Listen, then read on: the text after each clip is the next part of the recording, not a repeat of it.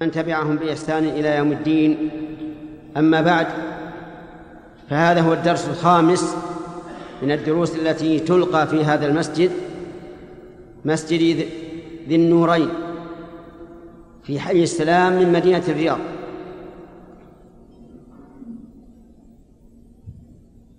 ولعله أن يكون آخر الدروس في هذه الفترة نظرا لأن الذي يظهر أن الماء أن الشغل الذي بقينا في الرياض من أجله ربما ينتهي غدا. ولكن إن شاء الله لنا لقاءات مستقبلا وبناء على هذا لعلنا نقتصر على شرح شروط وجوب الحج وعلى صفة العمرة والحج نظرا لضيق الوقت. لأننا لو تكلمنا على ما يسر الله عز على ما لو تكلمنا بما يسر الله من تفسير ما سمعنا مما قرأه إمامنا في هذه الليلة أخشى أن لا ندرك ما نريد بيانه من شروط وجوب الحج وبيان صفة الحج والعمرة. فهل ترون أن نتكلم على الآيات كما هي العادة أو أن نذكر شروط وجوب الحج وكيفية الحج والعمرة. الأول ولا الثاني الثاني طيب. على بركة الله عز وجل. حكمة الله عز وجل. أن جعل للعبادات شروطا لا تجب إلا بها وذلك من أجل انضباط العبادات حتى لا يختلف الناس فيها. فيقال مثلا من تمت فيه هذه الشروط وجبت عليه العبادة ومن لم تتم في حقه الشروط لم تجب عليه حتى ينضبط الناس ولا يقال لهذا افعل ولا بد ولهذا لا تفعل. فيقال هناك والحمد لله حدود حددها الله عز وجل إما في كتابه وإما على لسان رسوله صلى الله عليه وعلى آله وسلم. شروط الحج الإسلام والثاني العقل والثالث البلوغ والرابع الحرية والخامس الاستطاعة. ومعنى قول الإسلام أن الكافر لا يصح منه حج ولا عمرة. لا يصح منه حج ولا عمرة. وعليه فلو أن رجلا لا يصلي. وحج أو اعتمر وهو لا يزال لا يصلي فحجه باطل ولا يقبل منه لأنه لأن من شرطه إيش؟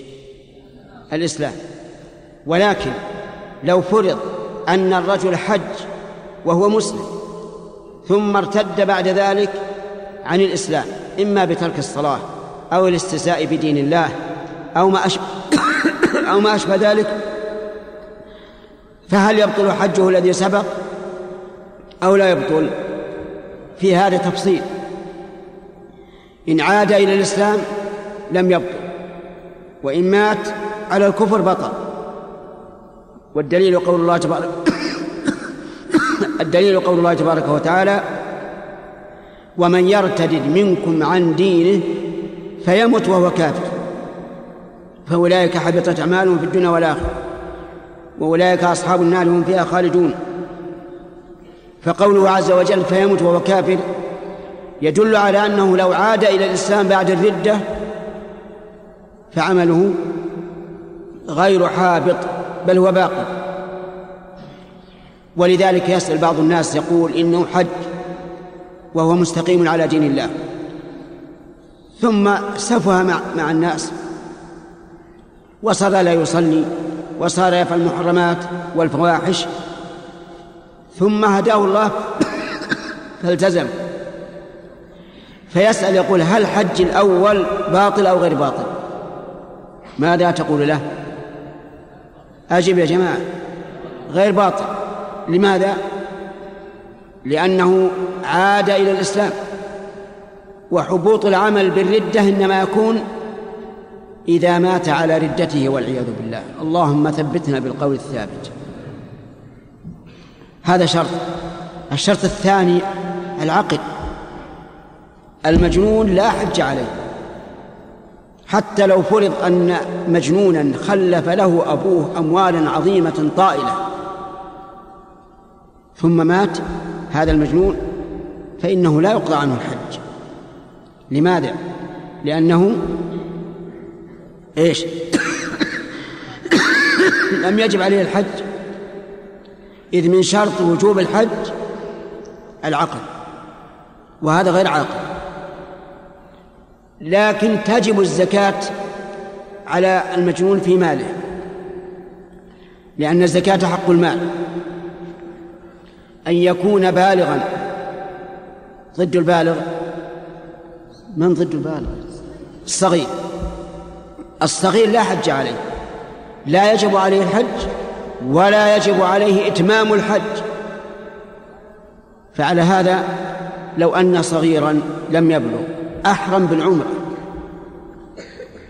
ثم ضاق صدره بلباس الإحرام أو بالزحام وهون قال خلاص ما أنا مكمل يجوز أو لا يجوز؟ يجوز. لماذا؟ لأنه ليس ببالغ. فالصغير لا يجب عليه الحج ابتداء ولا استمرارا وعليه فلو مات صغير.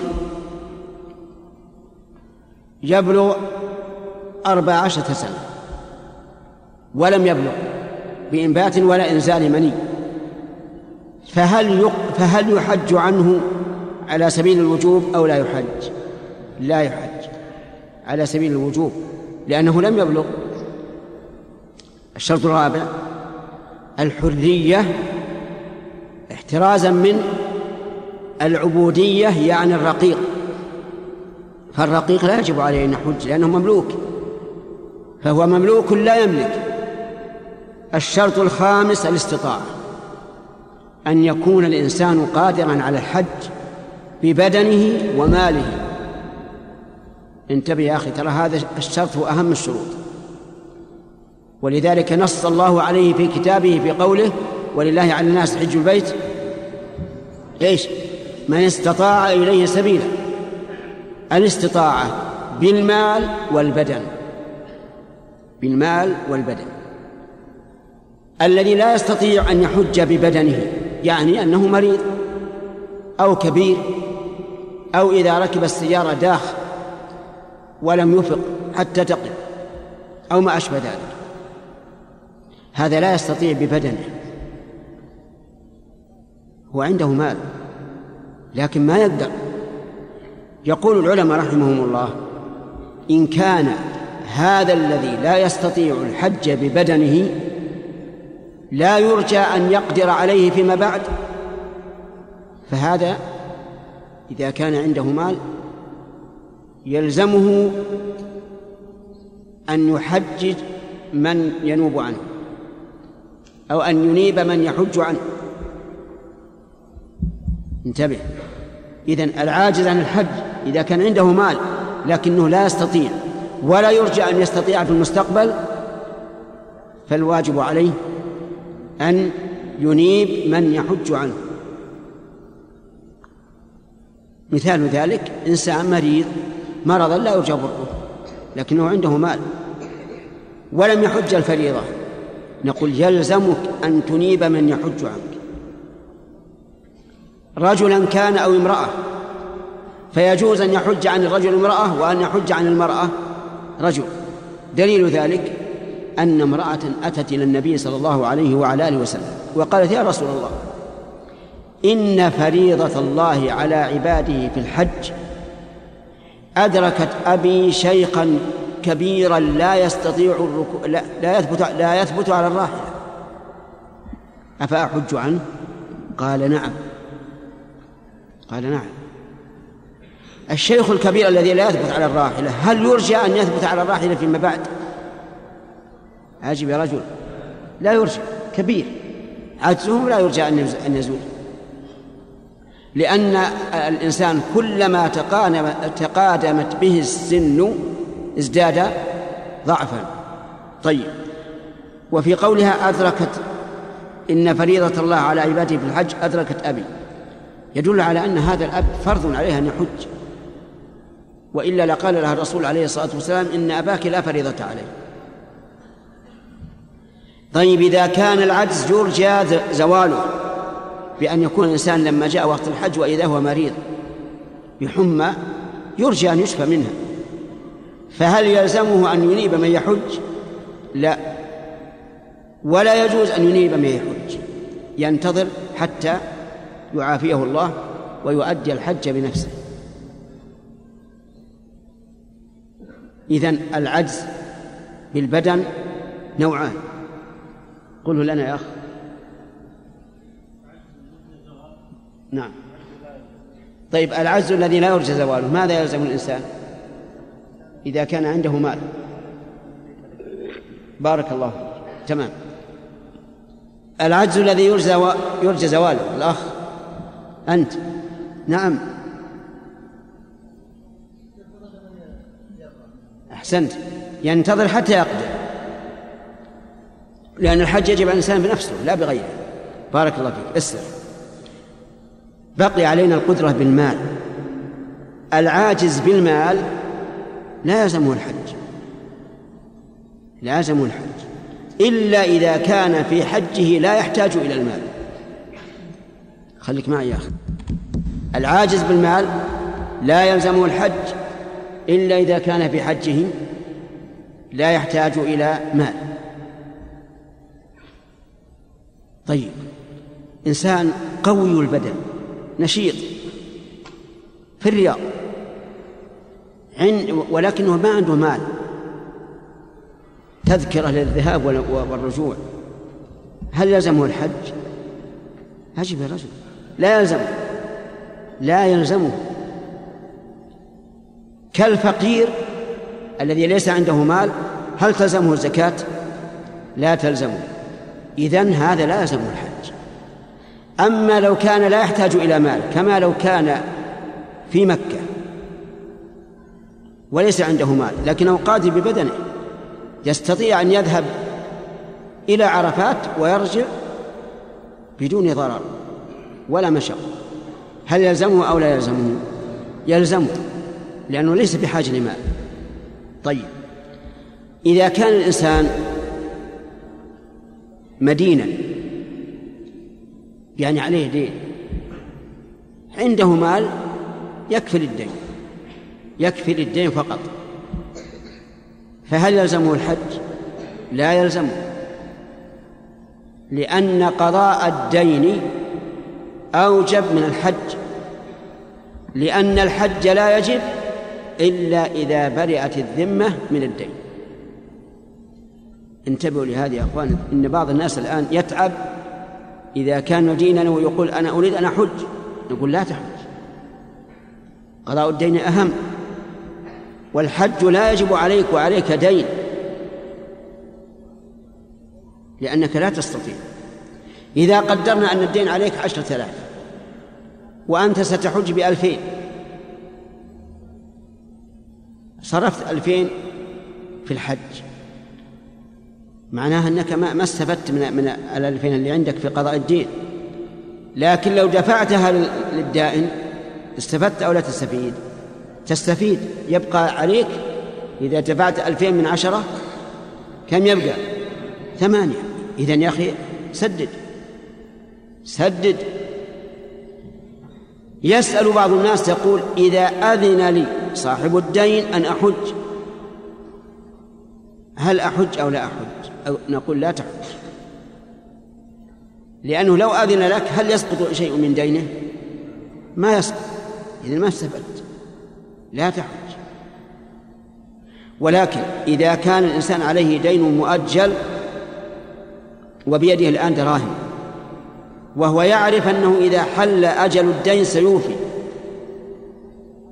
هل يلزمه الحج أو لا؟ هذا يلزمه. وذلك مثل أولئك القوم الذين عليهم ديون لصندوق التنمية العقارية. وهم يوفون كل الأقساط. ويقول إذا حل القسط أستطيع أن أدفع. فها ولا وعنده الآن دراهم عند الحج. يحج ولا أو لا يحج؟ يحج. لأن هذا لا لا يتضرر بصرف الدراهم في الحج.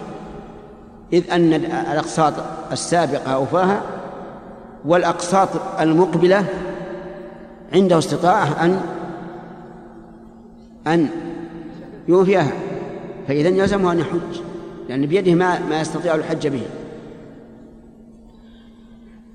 كثير من الناس الذين عليهم ديون حالة أو مؤجلة وليس وليس بيدهم شيء يتضايق إذا لم يحج. فأقول لا تتضايق تضايق إذا لم توف الدين. أما الحج فليس واجبا عليك. أنت ومن ليس عنده مال سواء. هل يتضايق الفقير بعدم إخراج الزكاة؟ أجيب يا أخوان. لا. إذن هذا المدين لا يتضايق بعدم الحج. ما دام الله قد رخص له فلا يتضايق. وهو لو لاقى ربه قبل أن يحج فلا حساب عليه في ترك الحج.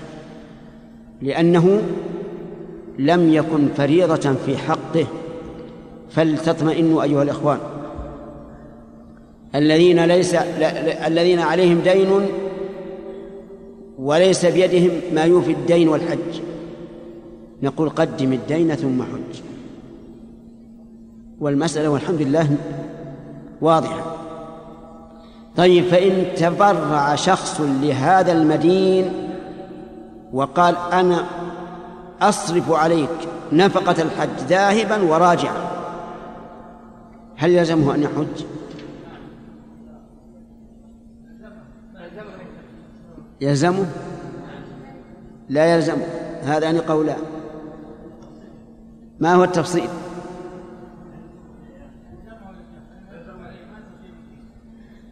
لا يلزمه يا إخواني لا يلزمه وإن شئتم فقولوا فيه التفصيل. إذا كان هذا الرجل الذي تبرع لا يرى لنفسه منة على هذا الرجل فقد نقول إنه يلزمه.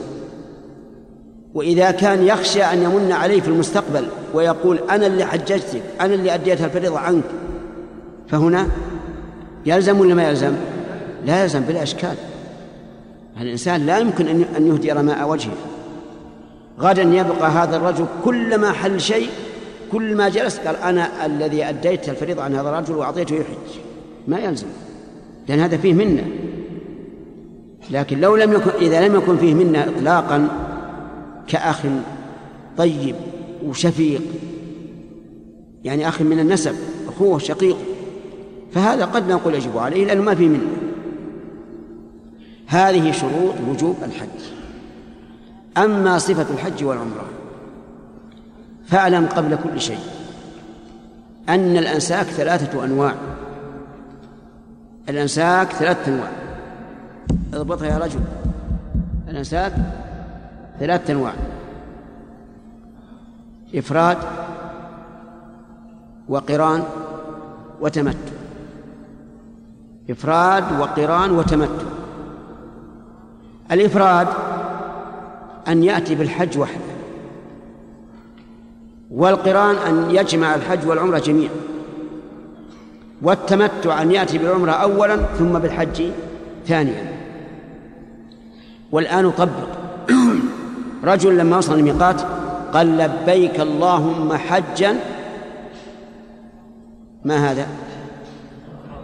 مفرد. طيب. آخر قال لما وصل الميقات لبيك عمرة وحجا. قال هذا قران. رجل ثالث قال لبيك عمرة ومن نيته أن يحج تلك السنة. هذا إيش؟ متمتع. هذا متمتع. فأيهما أفضل؟ الأفضل على القول الراجح التمتع. ويجوز الإفراد ويجوز القران لكن التمتع أفضل. كيفية التمتع؟ يحرم من الميقات بالعمرة. وإذا وصل مكة طاف وسعى وقصر وحل. حل. نهائيا. كل شيء يجوز له من محظورات الإحرام. وإذا كان يوم الثامن أحرم بالحج. هذا التمتع. القران إذا وصل إلى إلى الميقات قال لبيك عمرة وحجا فإذا وصل مكة طاف وسعى ولا ولا يقصر ويبقى على إحرامه إلى يوم العيد حتى لو فرض أنه ذهب من الآن والليلة 26 من من من شوال وأحرم بالقران قلنا تبقى على إحرامك إلى متى؟ إلى يوم عيد الأضحى. عندنا خمسة أيام من هذا الشهر وشهر ذي القعدة وعشرة من ذي الحجة. كم؟ شهر وستة عشر يوم. لا شك في صعوبة. الإفراد لما وصل الميقات نقول أحرم بالحج فقط. إذا وصل إلى مكة طاف وسعى ولا يقصر ويبقى على إحرامه إلى متى؟ إلى يوم عيد الأضحى هل هناك فرق بين القارن والمفرد؟ لا كلاهما سواء إلا أن الفرق أن القارن عليه هدي والمفرد ليس عليه هدي أفهمتم؟ فرق آخر أن القارن يحصل له عمرة وحج والمفرد لا يحصل له إلا حج. المتمتع يختلف عنهم. المتمتع إذا وصل إلى مكة ماذا يصنع؟ يطوف امشى معنا ويسعى ويقصر ويحل. يحل. فإذا كان يوم الثامن أحرم بالحج وعليه هدي. لقول الله تعالى فمن تمتع بالعمرة إلى الحج فما استيسر من الهدي. ثم قال بعد ذلك فمن لم يجد فصيام ثلاثة أيام في الحج وسبعة إذا رجعت والتمتع قلنا إنه أفضل لأن النبي صلى الله عليه وعلى آله وسلم أمر به أمر أصحابه أن يتمتعوا. حتى إنه لما أتم السعي خطب الناس وأمرهم بالتمتع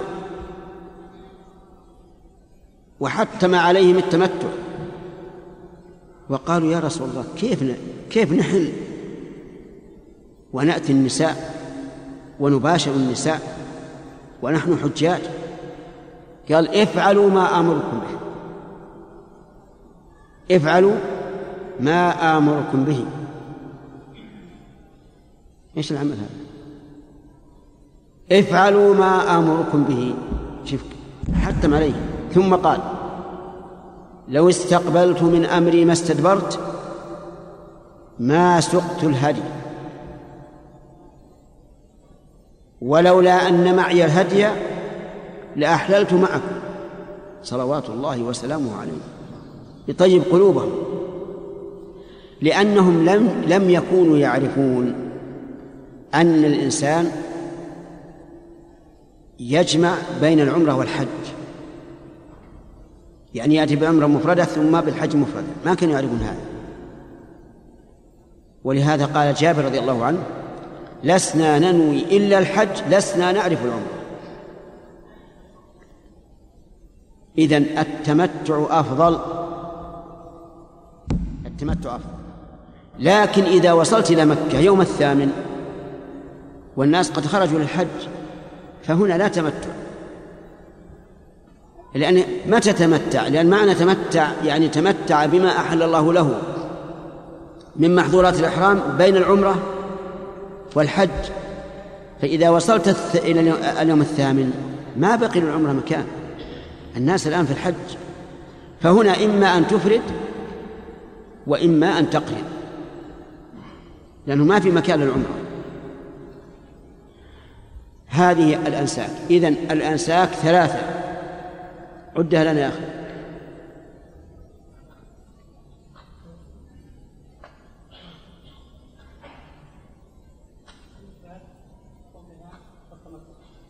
الإفراد وإيش؟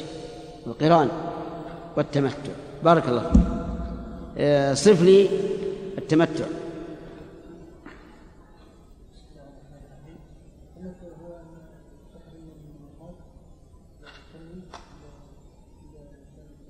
في العمر تطوف؟ تحرم. تح... تمام. وفي اليوم الثامن تحرم؟ بال... بالحج. بارك الله طيب. آه القرآن؟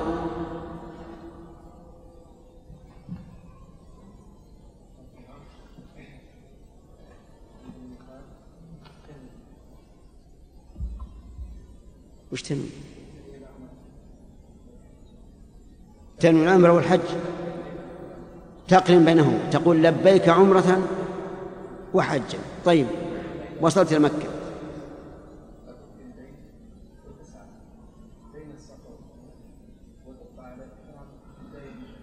أحسنت. بارك الله فيك. اسم. إذا وصلت إذا وصلت إلى مكة تطوف تسعى وتبقى على إحرامك. لا لا تحل إلى يوم العيد. طيب الإفراد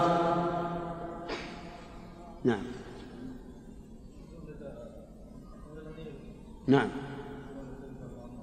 لبيك اللهم حجا. متى؟ إذا وصلت ميقات تقول لبيك اللهم حجا.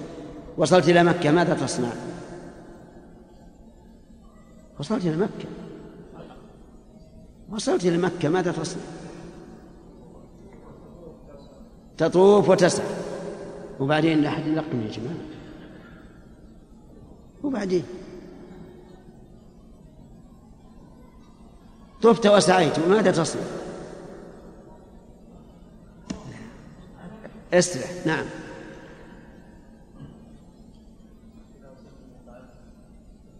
وصلنا إلى مكة. ها. تطوف وتسعى وتبقى على إحرامك إلى يوم بارك الله فيك. إذا ما الفرق بين الإفراد والقران؟ نعم. ها؟ لا إيش؟ لا فدية لا هدي ما هو فدية. طيب والقرآن؟ في هدي. فرق آخر.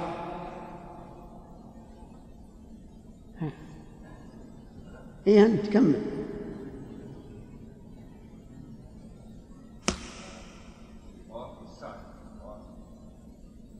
الطواف والسعي واحد.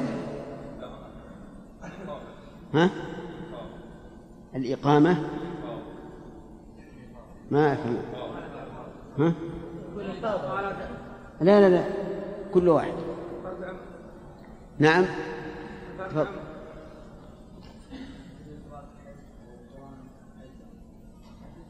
تمام. بارك الله فيك. الفرق القران فيه هدي والإفراد لا هدي فيه.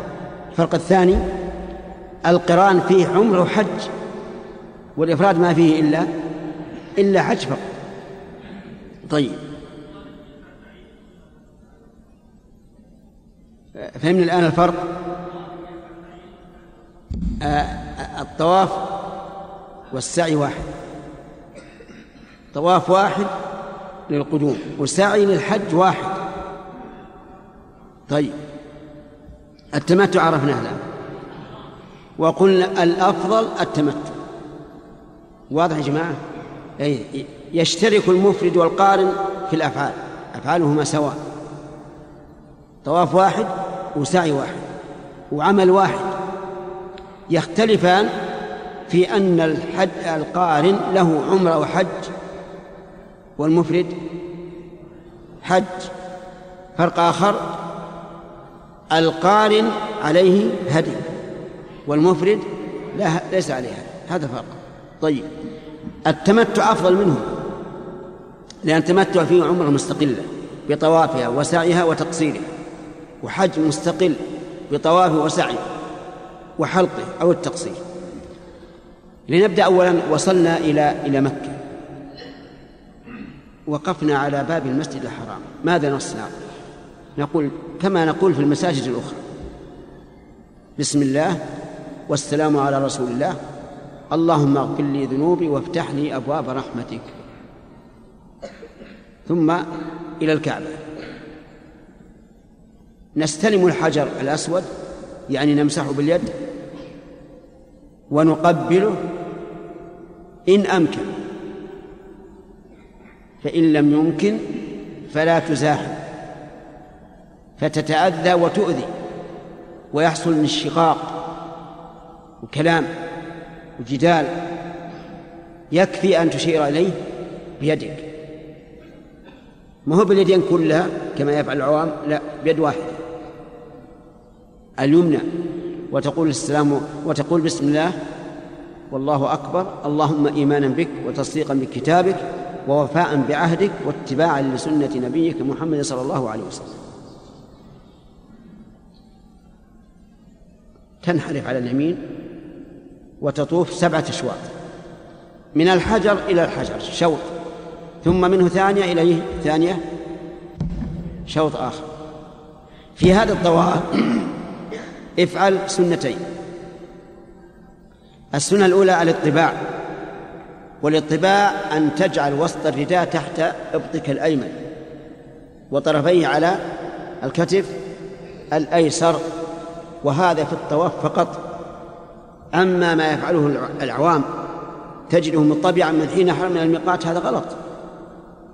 السنة حق أن تتبع. ما فيه اطباع إلا في الطواف فقط.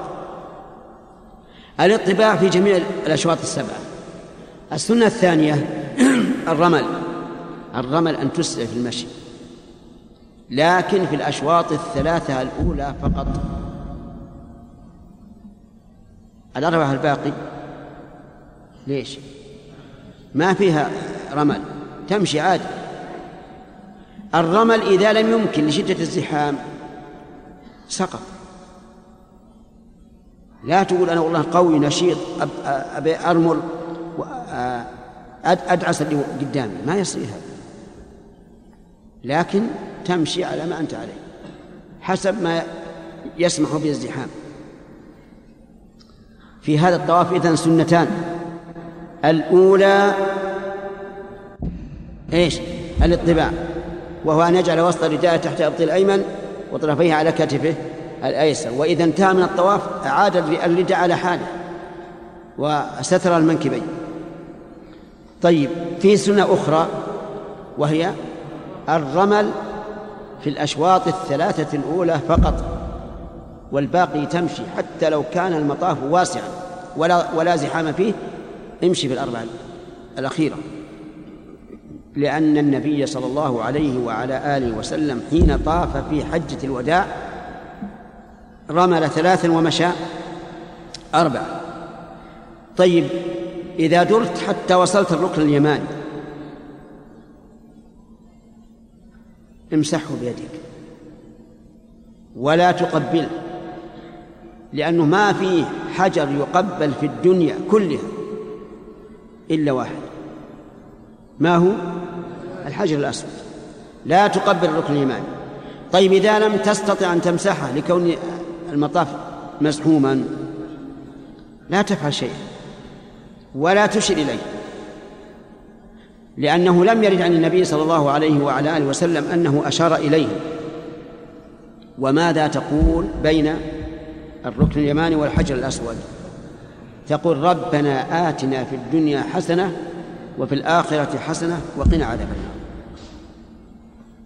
بعض العوام يكمل. يقول أدخلنا الجنة مع الأبرار. يا عزيز يا غفار. هذا الدعاء من كيسه. تعرفون الكيس؟ هذا من الجيب. ما هو من السنة. ما هو ليس من السنة. طيب إذا إذا خلصت قلت ربنا آتنا في الدنيا حسنة وفي الآخرة حسنة خلصت. ولا وصلت الحجر. تسكت. لا أعيد. أعيد ربنا آتنا في الدنيا حسنة وقنا وفي الآخرة حسنة وقنا عذاب النار. أعيد حتى أصل إلى الحجر. إذا وصلت الحجر كبر. الله أكبر. ولا حاجة تقف وتستقبل الحجر ما ما له داعي. حتى لو كنت تمشي. كبر. الله أكبر. في بقية الطواف ماذا تسمع؟ ماذا ماذا تقول؟ قل ما شئت. اقرأ القرآن. اذكر الله. كبر الله. سبح الله. ادعو. لأنه روي عن النبي صلى الله عليه وعلى آله وسلم أنه قال إنما جعل الطواف بالبيت وبالصفا والمروة ورمي الجمار لإقامة ذكر الله. أكملت الأشواط السبعة. فماذا تصنع؟ اذهب إلى مقام إبراهيم. مقام إبراهيم كان حجرا وضعه إبراهيم الخليل عليه السلام حين ارتفع بناء الكعبة فوضعه ليرتفع. وبقي. ورسول الله صلى الله عليه وسلم لما أتم سبعة أشواط تقدم إلى مقام إبراهيم. فقرأ وهو يمشي إليه واتخذوا من مقام إبراهيم مصلى.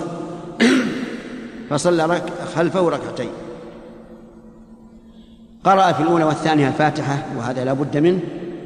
وقرأ بعد الفاتحة في الأولى قل يا أيها الكافرون وفي الثانية قل هو الله أحد. ولم يطول انتبه للنقطة هذه. لم يطول الركعتين. ولم يدع بعدهما. ولهذا كان السنة في الركعتين خلف المقام بعد الطواف السنة الإسراع يقتصر بقراءة على قل يا أيها الكافرون وقل الله أحد بعد الفاتحة ويسرع في الركوع والسجود. ما يطول ولا يبقى يدعو كما يفعل العامة الجهال. من يوم السلم على طول. لأن نبيك محمدا صلى الله عليه وعلى آله وسلم لم يدعو بعدهما. أخر المكان ليأتي إنسان آخر يريد أن يصلي ركعتين خلف المقام. فإن كان المقام إذا قربت منه تأذيت من الطائفين وآذيت الطائفين فماذا تصنع؟ أبعد. أبعد في أي مكان من المسجد. حتى لو لم تكن إلا في المسجد أو قريبا من المسجد. لأن المكان وهو خلف المقام سنة. وحضور القلب في الصلاة وعدم الإيذاء إيش؟ واجب أو قريب من الواجب. فصلي ركعتين وبعد ذلك تنطلق إلى الصفا. فإذا دنوت منه فاقرأ إن الصفا والمروة من شعائر الله. وإن شئت فقل أبدأ بما بدأ الله به وإن شئت لا تقلها المهم اقرأ إن الصفا والمروة من شعائر الله. لأن النبي صلى الله عليه وسلم لما دنا من الصفا قرأ إن الصفا والمروة من شعائر الله. اصعد على الصفا. استقبل القبلة. ارفع يديك. وادعو الله. احمد الله وهلل وكبر وقل لا إله إلا الله وحده لا شريك له له الملك وله الحمد وهو على كل شيء قدير. لا إله إلا الله وحده أنجز وعده ونصر عبده وهزم الأحزاب وحده. ثم ادعو بما شئت. ثم أعد الذكر مرة ثانية. ثم ادعو بما شئت. ثم أعد الذكر مرة ثالثة. ثم انزل. متجها إلى إلى إلى المروة. تمشي على عادتك. حتى تصل إلى العلم الأخضر. وهو معروف. علم يعني عمود أخضر وفوقه إيش؟ نور أخضر. إذا وصلت إلى هذا اركض. اركض قدر ما تستطيع. لأن النبي صلى الله عليه وسلم كان يسعى في هذا المكان سعيا شديدا حتى إن إزاره لتدور به من شدة السعي. ما هم مثل ما يفعل الناس هكذا. ينازل بكتوفه ولا يركض اركض طيب إذا كان ازدحام نقول كما قلنا في الرمل في, في, في الطواف. يعني يعني تمشي على ما على ما يسمح به الوقت أو ما يسمح به المكان. إذا أقبلت على المروة هل تقرأ أن الصفا والمروة من شعائر الله؟ لا. تصعد على المروة تتجه إلى القبلة وتفعل من الذكر والدعاء كما فعلت على الصفا. هذا شوط ثم تنزل متجها إلى إلى الصفا يا رجل. إلى الصفا. تمشي في موضع المشي وتركض في موضع الركض. حتى تقرب من الصفا. إذا قربت من الصفا هل تقرأ أن الصفا والمروة من شعائر الله؟ لا ما تقرأ لأن نبيك محمدا صلى الله عليه وعلى آله وسلم وإمامك وقدوتك ما قرأها إلا حين دنا من الصفا لما خرج من الطواف. ولا يغرنك هذه ما تسمعه من الجهال. من الصفا إلى المروة. شوط ومن المروة راجعا إلى الصفا شوط إذن وتكمل سبعة أشواط. إذن تبدأ بالصفا وتختم بالصفا. وخطئوني إن أخطأت. تبدأ بالصفا وتنتهي بالصفا. تجمعون على أني مخطئ؟ تجمعون على الخطأ ولا لا؟ وهل أبقى معكم أو أنا أنهزم؟ لا ما هو كيف. الحق حق يتبع. نعم ما يخالف انهزم والانهزام إذا كان في ذات الله فهو انتصار. طيب إذن تبدأ بالصفا وتنتهي بالمروة. فإذا طف فإذا سعيت ووجدت نفسك أنك منتهي بالصفا فاعلم أنك أخطأت. إما أنك زدت شوطا أو أو نقصت شوطا واضح يا جماعة؟ واضح. ماذا تقول في السعي؟ السعي طويل. ماذا تقول؟ تذكر الله تسبح تهلل تقرأ تدعو.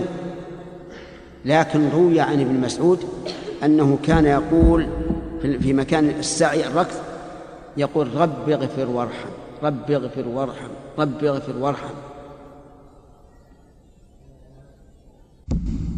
في مكان الركض والركض كما قلنا أولا بين بين العالمين طيب. انتهيت من الأشواط السبعة. فماذا تصنع بعد ذلك؟ إن كنت مفردا أو قارنا تبقى على إحرام.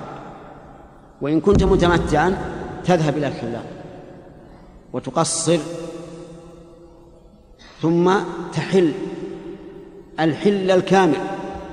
تلبس الثياب وتتطيب وتتمتع بأهلك إن كانوا معك كل شيء يحلك انتهت العمرة الآن أو لا؟ استهلكم جماعة. انتهت العمرة طيب. في اليوم الثامن تحرم بالحج.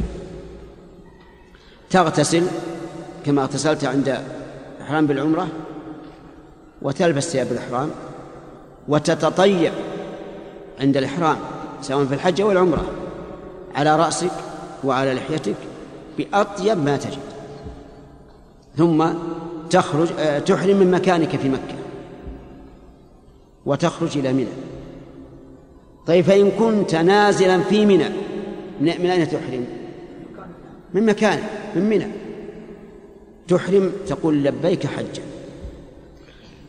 وتبقى في منى من ضحى اليوم الثامن إلى صباح اليوم التاسع. تصلي ركعتين ركعتين بدون جمع. وإذا كان صباح اليوم التاسع بعد طلوع الشمس تذهب إلى عرفة. تذهب إلى عرفة. وإن تيسر لك أن تنزل بنمرة فانزل فيها إلى أن تزول الشمس. وإن لم يتيسر كما هو المعروف الآن أنه لا يتيسر هذا الشيء. تذهب إلى عرفة وتنزل فيها. وتبقى هناك. ذاكرا لله تاليا لكتابه شاعرا أنك في عبادة حتى تزول الشمس. ويأتي وقت الظهر.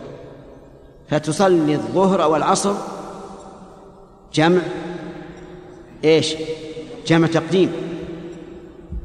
تصلي الظهر والعصر جمع تقديم. وإذا أمكنك أن تستمع إلى خطبة الإمام الذي يخطب في مسجد نمرة فهو أفضل. وهذا قبل صلاة الظهر. وأظن هذا متيسر. الآن متيسر ولا غير متيسر؟ بأي وسيلة؟ بالراديو خل معك راديو لتستمع إلى خطبة الإمام في مسجد نمرة إذا فرغت الخطبة أذن. أذن ثم أقم وصل الظهر ركعتين والعصر ركعتين. بعد هذا تتفرغ للدعاء. من المعلوم أن الإنسان يتغدى وبينام شوي ويعمل ما يعمل مما ليس حراما.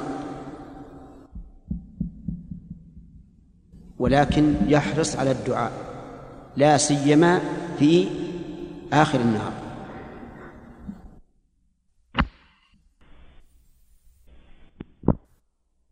فإذا قال الإنسان أنا ما عندي دعاء يستغرق كل هذا الوقت. صح ولا لا؟ يعني يقول ما عندي دعاء أبقى من صلاة الظهر أو من الغداء والنوم بعده إلى غروب الشمس ما عندي دعاء. وش أقول؟ نعم الذكر. اقرأ القرآن. القرآن يا أخي القرآن ذكر ودعاء. لا بد أن يمر بك في القرآن آيات وعيد آيات وعد. آيات ترغيب. آيات ترهيب. اقرأ وتدبر وكلما مر بك. آية وعد وثواب ادعو الله. كلما مر بك آية وعيد و و وترهيب استعذ بالله. وبهذا تحيي ال...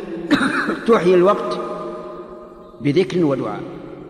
وجرب تجد لأن بعض الناس يكون معه كتاب يدعو وهو لا يعرف الدعاء لا يعرف معنى ما يقول. كثير من الناس ما يعرف ما يقول معنى ما يقول. خذ المصحف اقرأ. مثلا مررت بقول الله تعالى إن في خلق السماوات والأرض واختلاف الليل والنهار لآيات لأولي الألباب. الذين يذكرون الله قياما وقعودا إلى آخره. ماذا تقول؟ إذا مررت الذين يذكرون الله قياما وقعودا وعلى جنوبهم ارفع يديك. اللهم اجعلني منه اللهم اجعلني منه وكرر الدعاء. إذا مررت بقول الله تعالى وعباد الرحمن الذين يمشون على الأرض هون إلى آخر الآيات. قف وادعو الله. اللهم اجعلني من عباد الرحمن. اللهم اجعلني ممن لهم غرف في الجنان. وما أشبه ذلك. فإنك سوف تكون قارئا ذاكرا داعيا. وما تقرب أحد إلى الله بخير مما خرج منه وهو القرآن. واضح؟ هذا يا أخواني مجرب. مجرب أن الإنسان ما يمل. لأن الدعاء مهما دعوت تمل في هذه المدة الطويلة. لكن القرآن مع الدعاء كلما مر بك آية رحمة سألت كلما مر بك آية عذاب تعوذت. حينئذ تحيي الوقت هذا كله بإيش؟ بقراءة ودعاء وجرب تجد إذا غربت الشمس من يوم عرفة فادفع من عرفة. متجها إلى. كملوا. إلى إيش؟ إلى مزدلفة؟ نعم إلى مزدلفة. مزدلفة سميت مزدلفة لأنها أقرب المشعرين إلى الكعبة. والازدلاف بمعنى القرب. أقرب المشعرين إلى الكعبة. وش المشعر الثاني؟ عرفة. عرفة المشعر الحلال. ومزدلفة المشعر حرام. وأيهما أقرب يا أخ؟ لا أنا أسأل سؤال خاص. وش مزدلفة وين حنا حنا مسجد ذي النورين وين ومزدلفة ها؟ وش اللي قلت أنا؟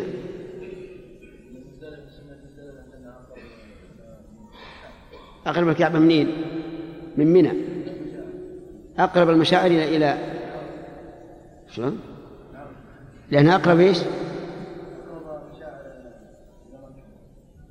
ومنى خليتها وراء منى مشعر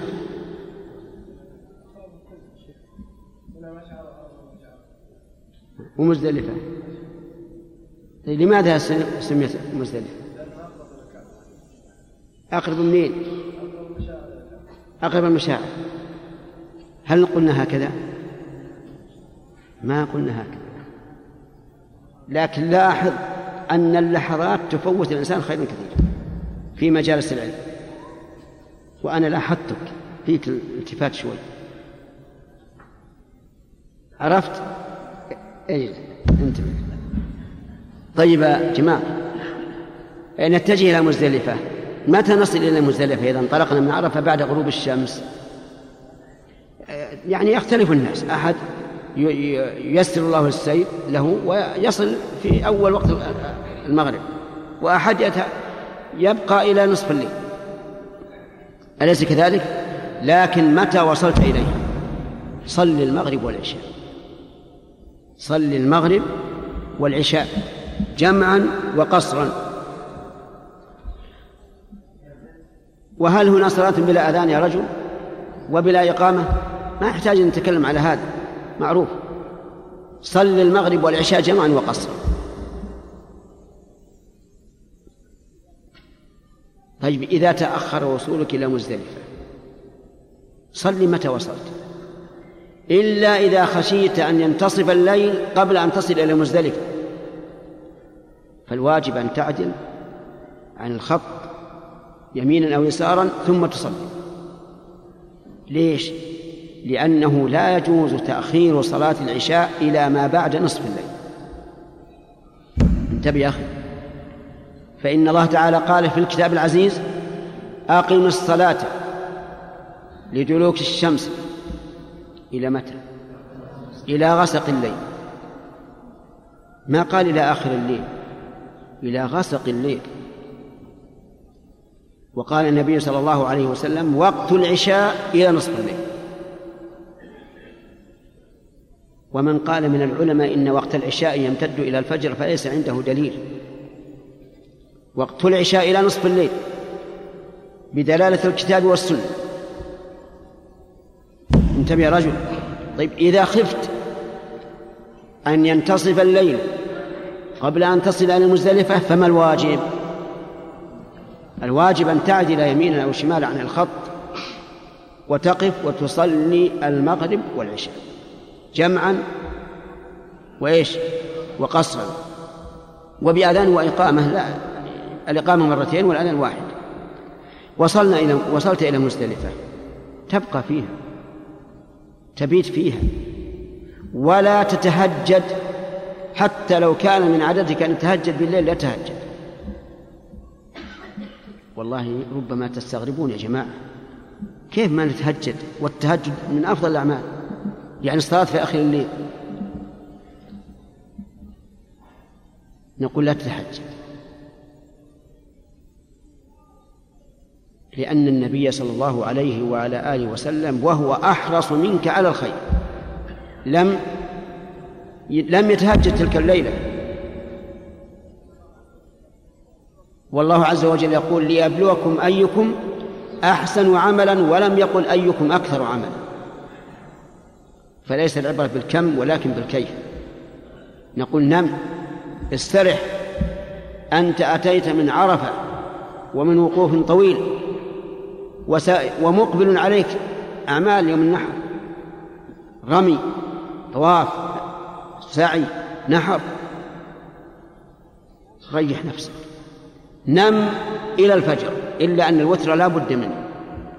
الوتر لم يكن النبي صلى الله عليه وسلم يتركه. حضرا ولا سفرا. إذا طلع الفجر أذن. من حين ما يطلع الفجر. ثم صل سنة الفجر لأن النبي صلى الله عليه وعلى آله وسلم كان لا يترك سنة الفجر حضرا ولا سفرا.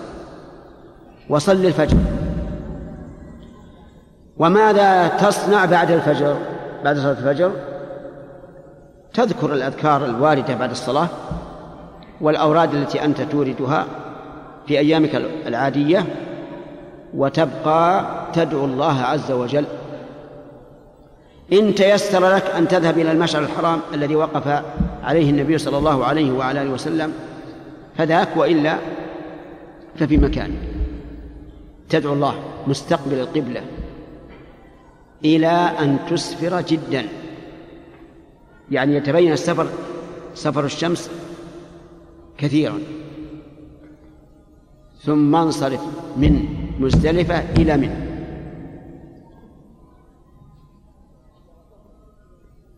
إذا وصلت منى فأول شيء تبدأ به رمي جمرة العقبة. والأحجار خذها من منى. لأن النبي صلى الله عليه وعلى آله وسلم لم يأخذها من مزدلفة أخذها من منى. أمر ابن عباس أن يلقط له سبع حصيات. وقد ذكر ابن حزم رحمه الله في منسكه أنه أمره أن يلقط له سبع حصيات وهو واقف على الجمر. خذ سبع حصيات وارمي جمرة العقبة. سبع. تقول مع كل حصاة الله أكبر. ولا حاجة بسم الله. الله أكبر سبع مرات. ثم انصرف إلى إيش؟ إلى المنحر اذبح الهدي بعد الرمي. ثم احلق الرأس. ثم اخلع ثياب الإحرام والبس ثيابك المعتادة. ثم انزل إلى مكة وطف طواف الإفاضة بثيابك أو بثياب الإحرام. بثيابك المعتادة بعد أن تطيبت وحللت من الإحرام الحل الأول انزل إلى مكة وطف طواف الإفاضة واسعى بين الصفا والمروة. في هذا الطواف ما فيه رمل فيه اطباع أو لا؟ ما فيه اطباع لأن هذه ثياب ثياب معتادة. وتسعى بين الصفا والمروة وتخرج إلى منى لتبيت بها. شوف كل يوم يوم العيد أعمال شق رمي ونحر حلق طواف سعي. والله تبارك وتعالى رفيق يحب الرفق في الأمر كله. حينئذ حللت التحلل كله. لما لما رميت ونحرت وحلقت وطفت وسعيت حللت مرة. حتى إن كان معك زوجتك فاستمتع بها. أرجو الانتباه. كم فعلنا يوم العيد من نسك؟ الأخ قم. كم فعلنا من نسك لما وصلنا منى أربعة. خمسة. كيف خمسة. وين أنت؟ لا لا لا تفصل لي. خمسة بس. بعد ما وصلنا منى خمسة؟ لا في منى. لما وصلنا منى يوم العيد. وش فعلنا؟ أربعة. كم فعلنا يا جماعة؟ خطأ. خمسة. عدها. رمي جمة العقل. النحر. نعم أو الذبح. تمام. حلق الرأس. الطواف قبل. طواف الإفاضة والسعي. خمسة. مرتبة هكذا كما سمعتم. ترتبون هكذا هذا الأفضل. لكن من تيسير الله عز وجل أن النبي صلى الله عليه وسلم كان يوم النحر ما سئل عن شيء قدم ولا أخر إلا قال افعل ولا حرج. اللهم لك الحمد. يعني لو نزلت من مزدلفة إلى إلى إلى مكة وطفت سعيت وخرجت ورميت ونحرت وحلقت. يجوز ولا ما يجوز؟ يجوز والحمد لله. لو رميت ثم حلقت ثم نحرت. يجوز أو لا يجوز؟ يجوز. قدم وأخر كل سواء وإذا سعيت قبل أن تطوف فلا حرج. في الحج لا حرج. افعل لأن النبي صلى الله عليه وعلى آله وسلم ما ما سئل عن شيء يوم النحر قدم ولا أخر إلا قال افعل ولا حرج. لا إله إلا الله. ما أكمل هذا الدين. لا لما فسح للناس هذا الفسحة صار مثل هذا ينزل من مزدلفة إلى مكة وهذا ينزل إلى إلى المرمى وهذا ينزل إلى المنحر وينحر. كل ينزل على راحته. لكن إذا تيسر لك أن ترتبها كما قلنا أولا الرمي ثم النحر ثم الحلق ثم الطواف ثم السعي فهو أفضل لا شك لكن من تيسير الله عز وجل أنه رخص لعباده أن يقدموا أو يؤخروا هذه الأنساك افعل ولا حرج. رجعنا من رجعت من مكة إلى قول إلى من تبيت بها. وتبقى إلى اليوم الحادي عشر. فإذا زالت الشمس فرم الجمرات. لكنها اليوم ثلاث جمرات لكل واحدة سبع حصيات فالجميع واحد وعشرون حصاة. ارمي الأولى أول ما ما تأتي إليه وأنت نازل من منى إلى نحو مكة ارمي الأولى بسبع حصيات. تكبر مع كل حصاة. ثم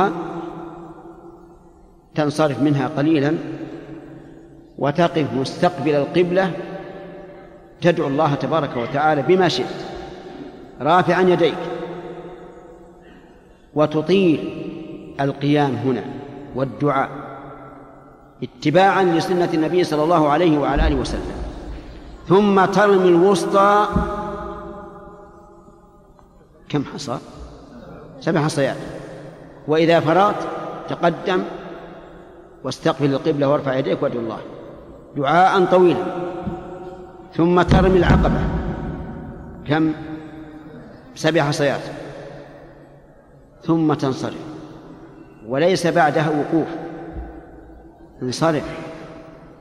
هكذا رمى النبي صلى الله عليه وعلى آله وسلم. في اليوم الثاني عشر تفعل كما فعلت في اليوم الحادي عشر. أي ترمي الجمرات الثلاث بعد الزوال. ثم إن شئت أن تبقى في منى فلا حرج. وإن شئت أن تنصرف من منى فلا حرج. لقول الله تعالى واذكروا الله في أيام معدودات فمن تعجل في يومين فلا إثم عليه ومن تأخر فلا إثم عليه لمن اتقى. تنزل إلى مكة سواء تعجلت أو تأخرت وإذا أردت الرجوع إلى بلدك فلا بد من طواف الوداع. شوف سبحان الله هذا البيت معظم. تعظمه أول ما تقدم بالطواف. وتعظمه إذا انصرفت. ليش يا جماعة؟ بالطواف. طواف وداع. والطواف القدوم طواف تحية. تطوف سبعة أشواط بثيابك أو بإحرام جماعة بثيابك المعتاد. بعده سعي؟ لا. تنصرف. تطوف سبعة أشواط وتنصرف وإن صليت ركعتين خلف المقام فهو أحسن. وبذلك تم الحج والعمرة. آه، تبين لنا الآن أن في الحج ست وقفات. في الحج ست وقفات. أنتم تقولون وقوف واحد عرفة ولكنه ست وقفات. ست وقفات. على الصفا وقوف وعلى المروة وقوف وفي عرفة وقوف وفي مزدلفة وقوف بعد صلاة الفجر. وبعد الجمرة الأولى وقوف. بعد الثانية وقوف. كم هذه؟ ست. ست وقفات. طيب آه، نعود الآن نشوف ما هو الواجب من هذا من هذا. الإحرام من الميقات واجب ولا سنة؟ واجب. واجب. لأن النبي صلى الله عليه وسلم أمر من أراد الحج والعمرة أن يهل من ميقاته.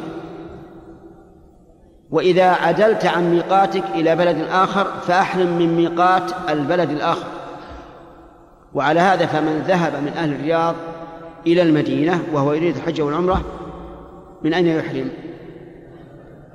منين؟ من ذي الحليفة أبيار علي ولو جاء رجل من أهل المدينة مارا بالرياض وذهب من طريق أهل الرياض من أين يحرم؟ من قرن المنازل وهو السير الكبير طيب في الطواف لو أن الإنسان لم يرمل في الطواف مع قدرته عليه هل يبطل طوافه؟ لا يبطل. لو لم يطبع لا يبطل. لو لم يصلي ركعتين خلف المقام فلا إثم عليه. طيب لو لم يصعد الصفا ولكن وقف على حد السياج الموضوع للعربيات لجاز ولم يبطل سعيه لأن المكان الذي يجب يجب فيه السعي هو الذي ينتهي بإيش؟ بالأصياخ الموضوعة للعربيات. وأما صعود الصفا أو المروة فليس بواجب بل هو سنة. طيب لو لو لو لم يحرم في الحج إلا يوم عرفة. ماذا تقول؟ لا بأس. لأن النبي صلى الله عليه وسلم قال الحج عرفة.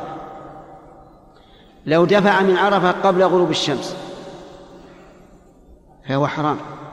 يجب أن يرجع إلى إلى عرفة و و ويدفع بعد غروب الشمس. لو دفع من مزدلفة قبل الفجر. فلا بأس لمن كان يشق عليه مزاحمة الناس كالنساء والصغار والضعفاء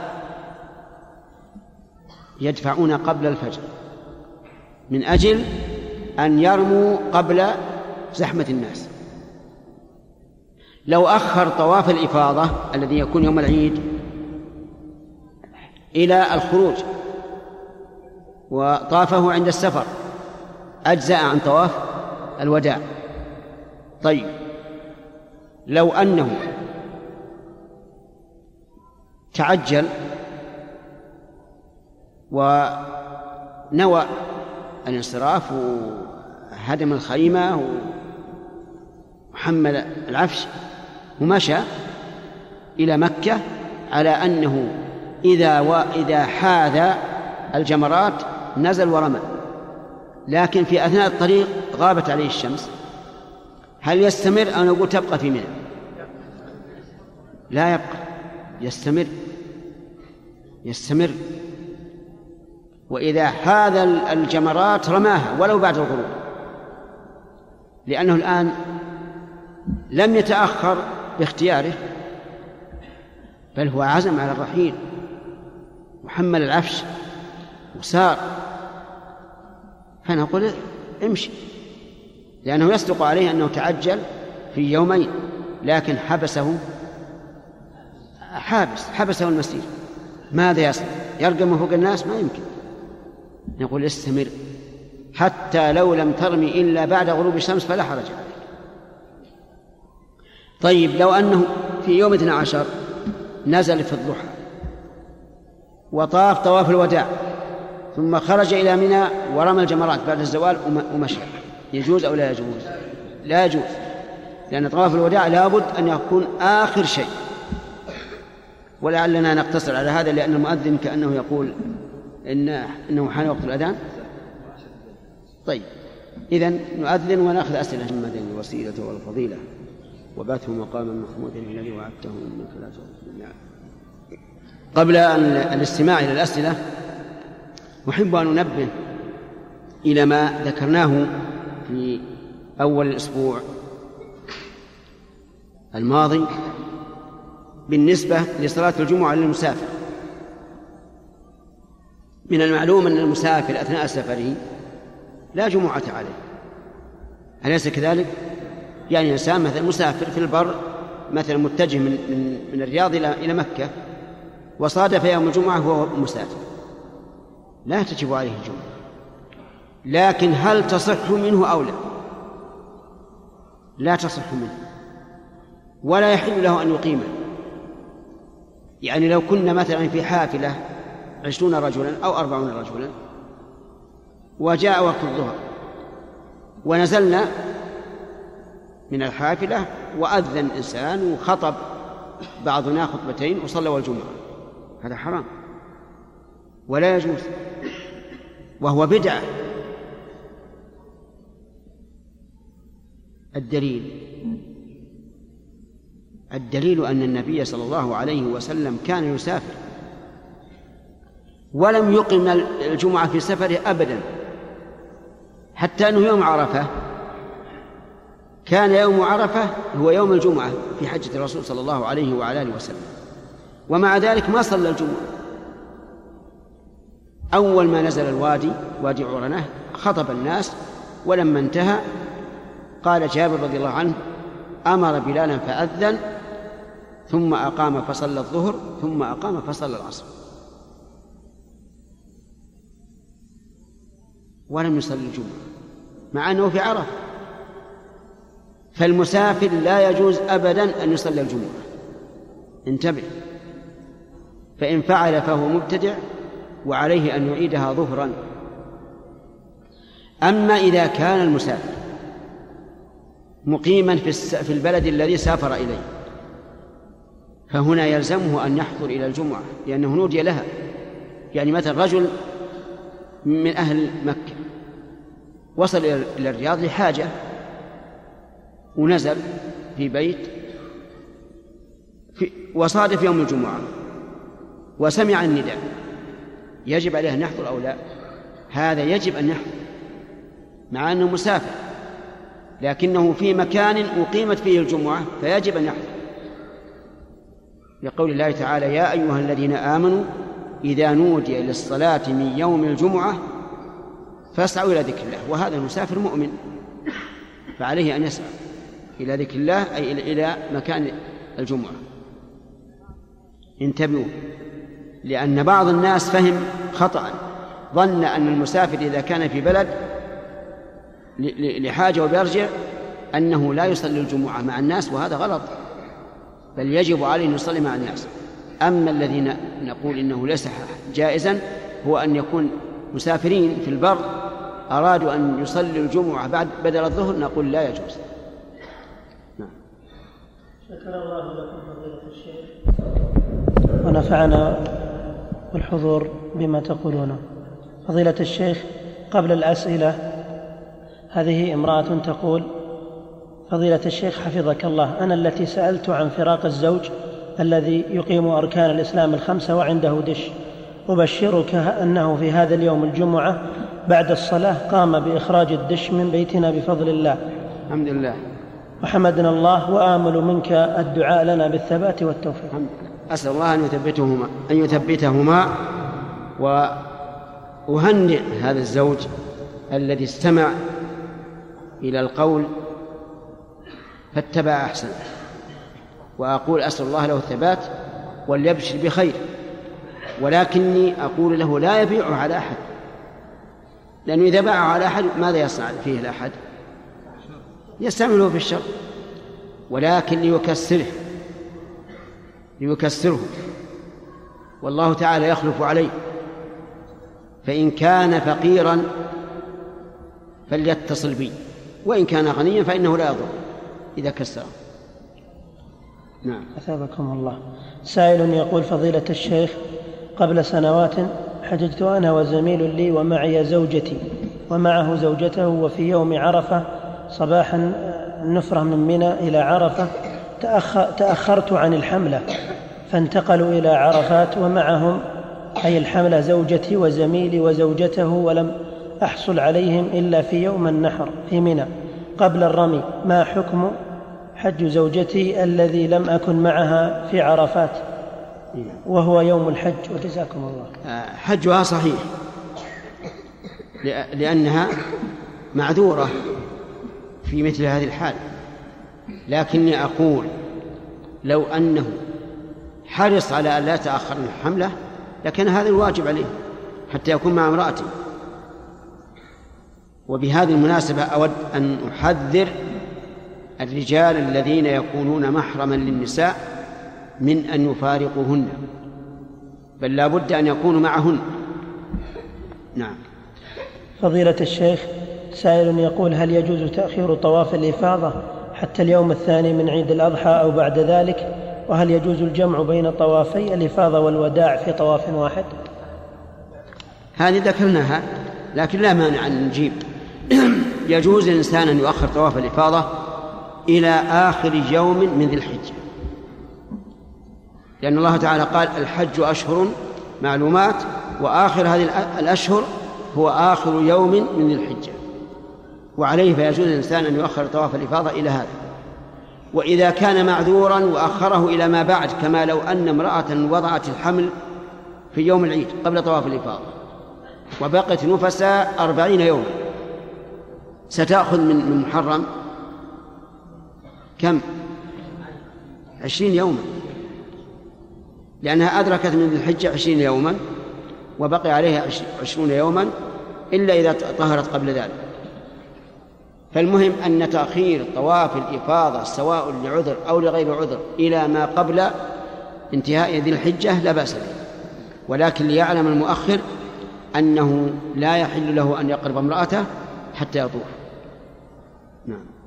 سائلة تقول ما الحكم إذا أخذت المرأة وأسقطت الحمل أو هي تقول أنها أسقطت الحمل في الشهر الثاني من أجل إرضاع طفلها الأول والآن هي تائبة فهل عليها شيء؟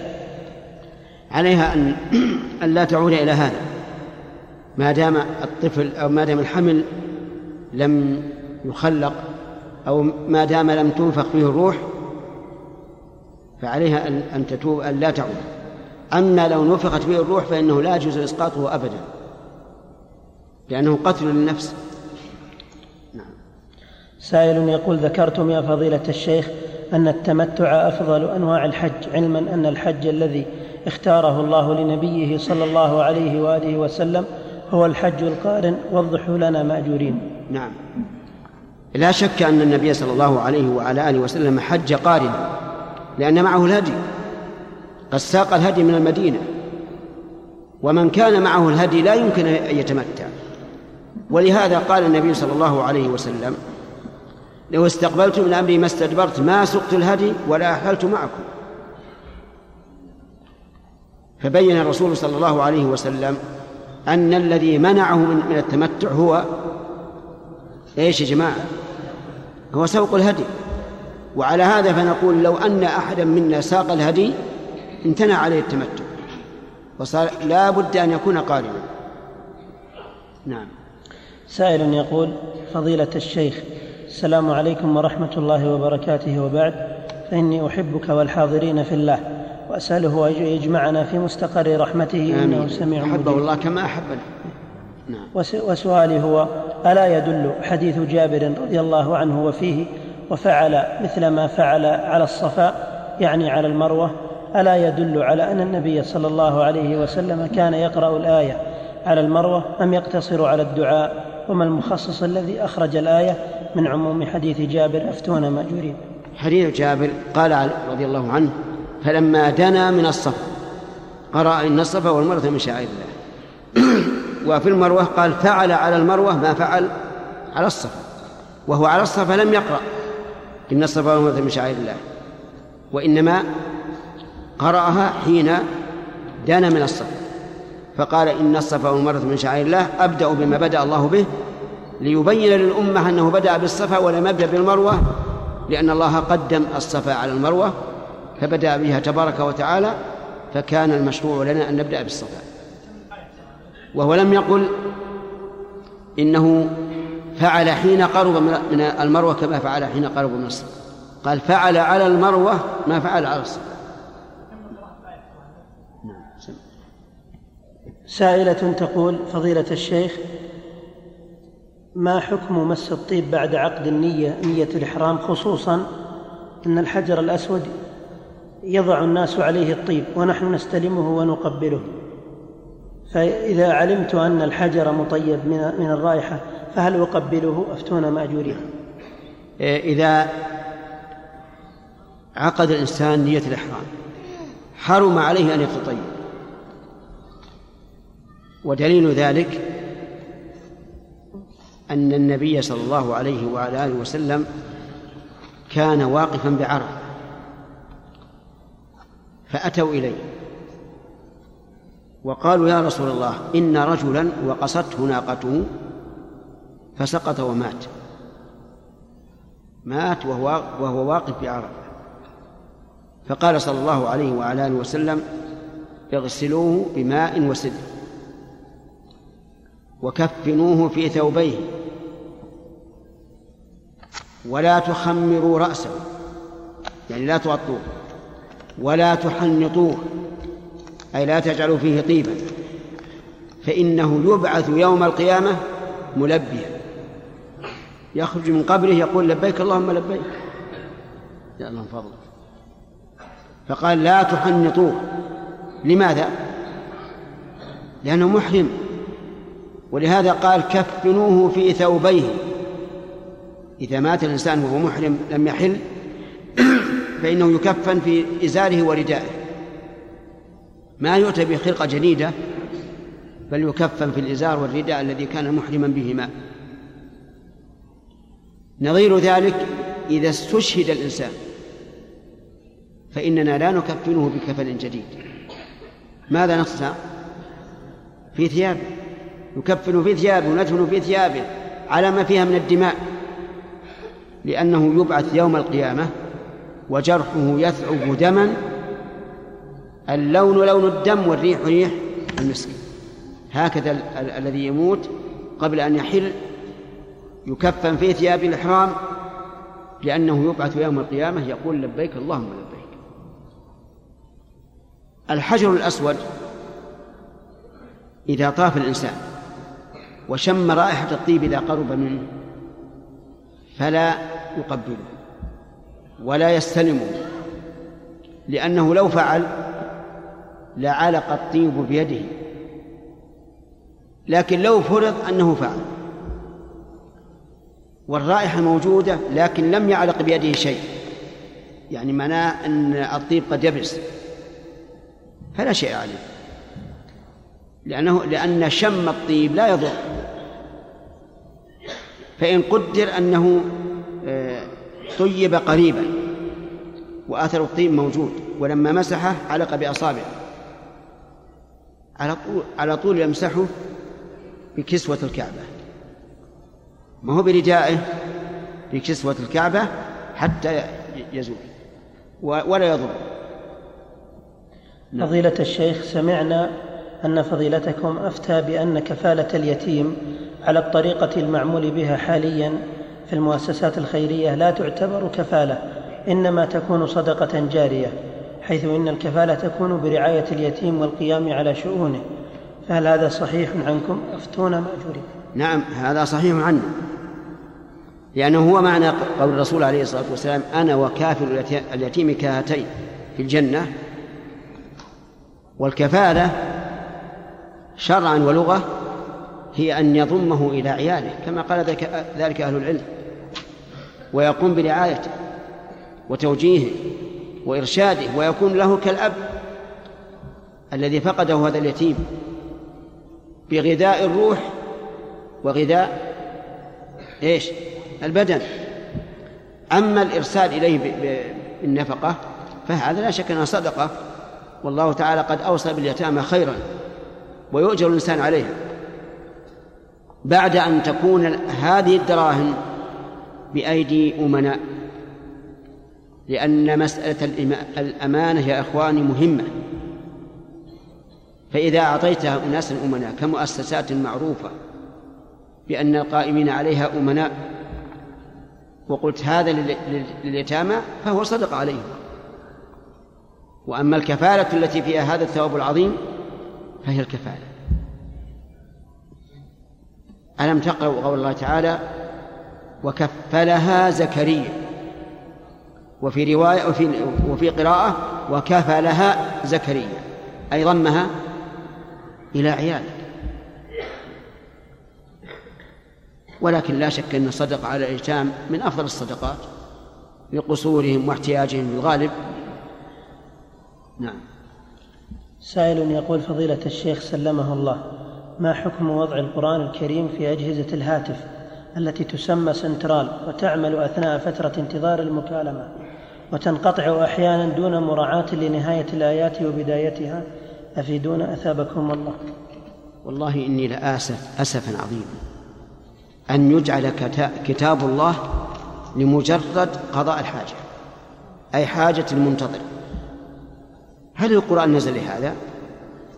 لا شك أن الذي وضعوها وضعوه جزاهم الله خيرا. يريدون الخير. يريدون أن يستمع المنتظر إلى كتاب الله عز وجل. دون أن يستمع إلى الموسيقى لأن بعضهم يجعل موسيقى في الانتظار. لكنهم لم يصيبوا من وجه آخر.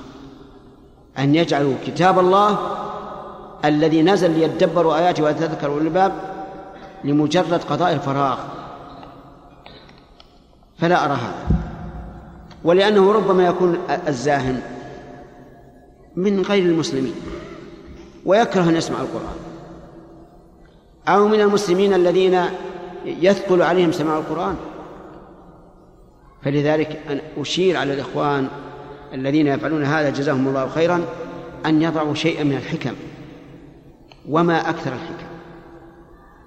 ما أكثر الحكم. وما أحسن أن يضعوا للمنتظر؟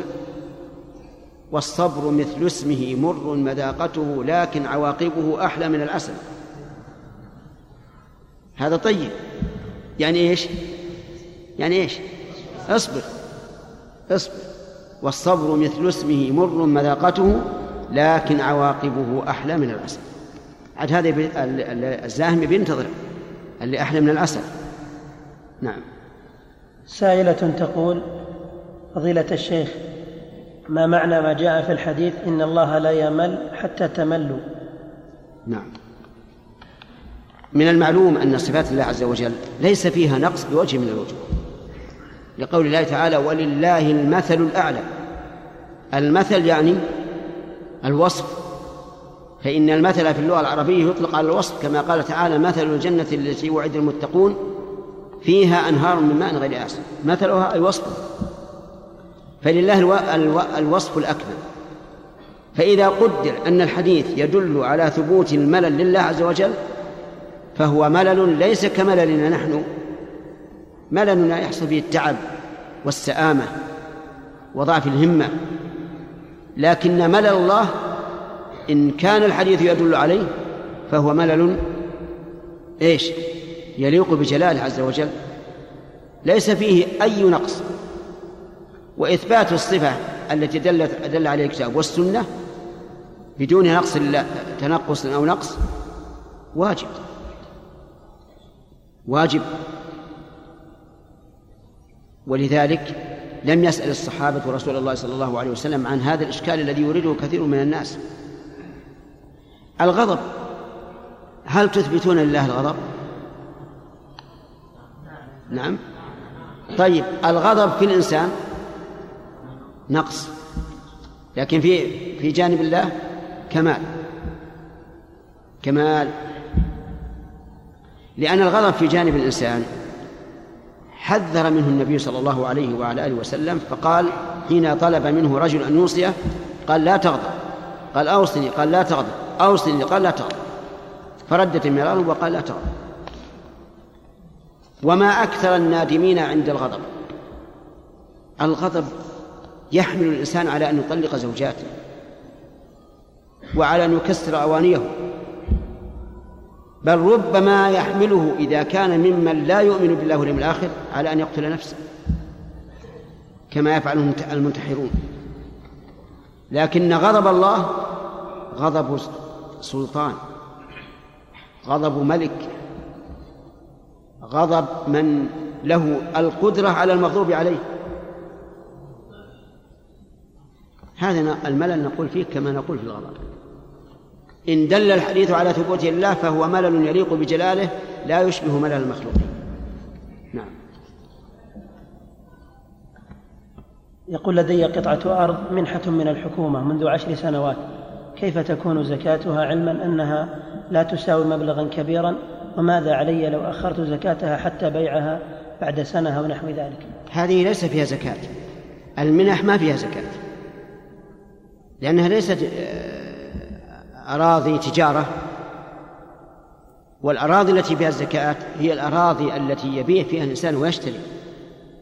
وأما أراض جاءته منحا أو ورثها من من قريبه وأبقاها حتى يحتاجها فهذه ليس فيها زكاة. الزكاة إنما هي على العروض التي يتجر فيها الإنسان يبيع ويشتري. نعم. طيب. العثيمين حفظه الله ورعاه. الرجاء إذا أمكن إخبارنا برقم الفاكس الخاص بكم. الفاكس؟ إيه نعم. نعم. لحاجتنا للمناقشة في بعض المسائل الفقهية والأحكام الشرعية. وجزيتم خيرا. أظن من النساء شيخ. طيب. آه، الفاكس اللي عندي ما هو بيشتغل لين انشغل ولا نشغله إلا عند الحاجة. فيتصل بنا الإنسان أولا على الهاتف ثم يقول هناك مثلا حاجة نحب أن نرسلها بالفاكس. حينئذ نفتح. وفاكسنا أديب. ما يمكن يخالف ما نرى. يعني ما يمكن ينفتح بدون أن نأذن له ونحن لا نأذن إلا لطارئ خاص. ولكن الحمد لله الآن موجود المراسلات عبر عبر البريد. بريد والحمد لله يصل ما في إشكال. والمشافهة أحسن على الهاتف لأن الإنسان يتمكن من محاورة السائل.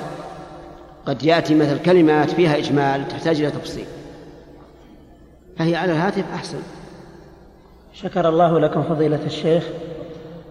والله أعلم وصلى الله وسلم على نبينا نسأل الله تعالى أن نعيد أمثال هذه الجلسات على خير. ونحن والحمد لله مسرورون من إخواننا في هذا المسجد الذين يحضرون ويواظبون على الدروس وهذا مما شجعنا على أن نبقى في هذا المسجد. وأسأل الله للجميع التوفيق والصلاح والإصلاح إنه على كل شيء قدير.